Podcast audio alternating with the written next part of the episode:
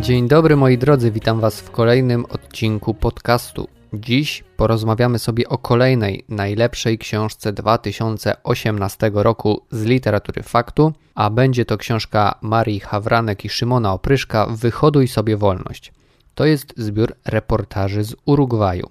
I to jest też książka, w której Hawranek i Opryszek pokazują, jak świetnie rozwinęli się jako reporterzy od czasu publikacji pierwszej książki.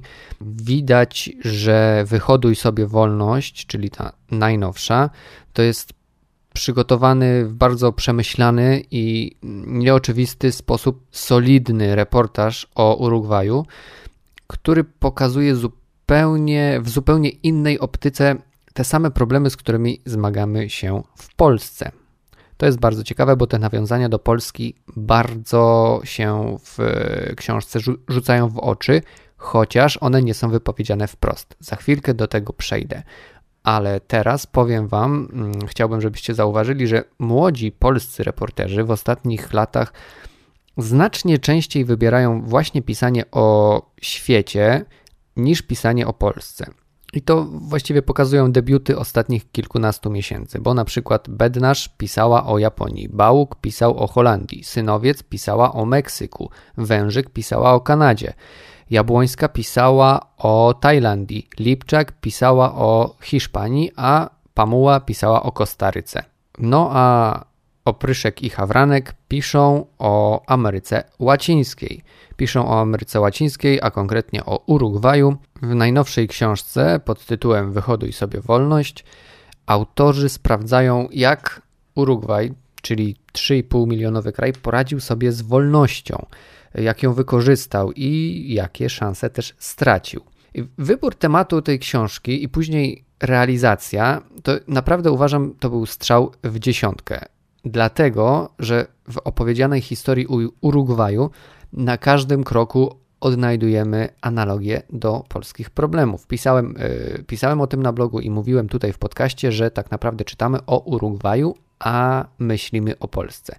I dzięki właśnie tym analogiom książka zyskuje drugie dno. Nie jest to już tylko reportaż o Urugwaju, ale można powiedzieć, że jest to książka napisana w duchu dziennikarstwa rozwiązań, czyli w myśl takiej zasady pokażmy, jak z problemami, z którymi my się mierzymy, mierzymy radzili sobie inni. Właśnie to robią Hawranek i Opryszek.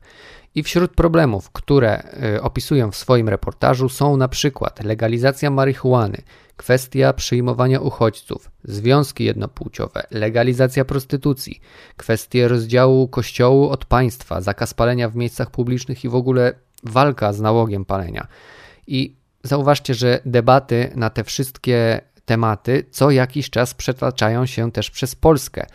A spojrzenie na Urugwaj pozwala polskiemu czytelnikowi zobaczyć te nasze rodzime problemy z zupełnie innej perspektywy, i to jest zawsze bardzo cenne i bardzo odświeżające. I właśnie dlatego ta książka tak strasznie mi się podobała. Tylko też, żebyśmy się dobrze zrozumieli. Nie chcę powiedzieć, że z książki Hawranek i Opryszek wyłania się taki obraz Urugwaju jako kraju, który, o którym można powiedzieć, że jest Polską Ameryki Południowej. To byłoby zbyt daleko posunięte stwierdzenie, ale liczba podobnych wyzwań, z którymi muszą albo musiały e, zmagać się oba kraje, czyli Polska i Urugwaj, jest naprawdę uderzająca. A co, co najciekawsze w tym wszystkim, to właśnie różnice w podejściu Urugwaju i Polski do tych problemów. Świetnie się o tych różnicach czyta. Wyhoduj sobie wolność podobała mi się też z tego względu, że reporterzy nie, nie, starali się w tej książce uwodzić czytelnika egzotyką odległego kraju, bo często się tak dzieje, że reporterzy jadą do jakiegoś egzotycznego kraju i próbują e, zwabić czytelnika mm, takimi powszechnie znanymi ciekawostkami. Chociaż w zbiorze e, Wyhoduj sobie wolność pojawiają się też takie teksty tak zwane powiedzmy michałkowe, na przykład o tym, że wszyscy w Urugwaju piją yerba mate albo że wszyscy kochają piłkę nożną. No wiadomo, oczywiste, banalne, być może niepotrzebne, ale na szczęście takich artykulików e, jest w książce niewiele, chyba są tak naprawdę trzy i są one krótkie, więc tak specjalnie nie przeszkadzają. Chociaż równie dobrze mogłoby ich w ogóle nie być. I teraz chciałbym Wam na koniec zwrócić uwagę na pewien trend, chociaż nie wiem, czy można już mówić o, trend, o trendzie, ale ostatnio pojawia się coraz więcej książek o Ameryce Łacińskiej, książek non-fiction, bo mieliśmy w wakacje 2018 roku premierę Za Horyzont Tomasza Pindela i Dzieci Szóstego Słońca Oli Synowiec. W październiku ukazała się właśnie Wyhoduj sobie wolność, a w listopadzie Kuba Miami, Ucieczki i powroty. To jest książka o Kubie Joanny Schindler. Kilka miesięcy wcześniej ukazała się inna książka, o której warto wspomnieć. To są Polakos Anny Pamuły, czyli reportaż o Polakach na Kostaryce. Więc jeżeli interesują Was te regiony, to to są tytuły, po które powinniście sięgnąć. Mnie się bardzo podobały Polakos, podobały mi się również Dzieci Szóstego Słońca, a książkę Kuba Miami, Ucieczki i powroty można wygrać w konkursie na blogu, na moim blogu czytam recenzuje.pl, więc wpadajcie, szukajcie konkursu. Mam 5 egzemplarzy do wygrania. To jest konkurs organizowany z wydawnictwem poznańskim, który potrwa do środy 16 stycznia, więc śpieszcie się. Kuba Miami to jest opowieść o Kubie, o Kubańczykach, tych, żyjących na wyspie i tych, którzy tą wyspę opuścili w poszukiwaniu lepszego życia.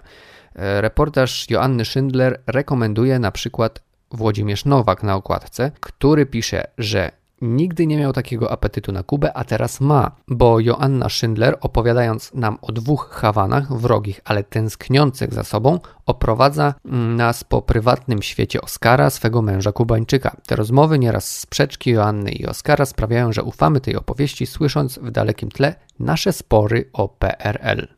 To tyle w dzisiejszym odcinku. Bardzo dziękuję Wam za uwagę. Bardzo dziękuję Wam też za miłe głosy, które przesyłacie w wiadomościach prywatnych, w mailach, w których chwalicie podcast, cieszycie się, że jest i prosicie o więcej, więc ja też się cieszę i obiecuję, że będzie więcej.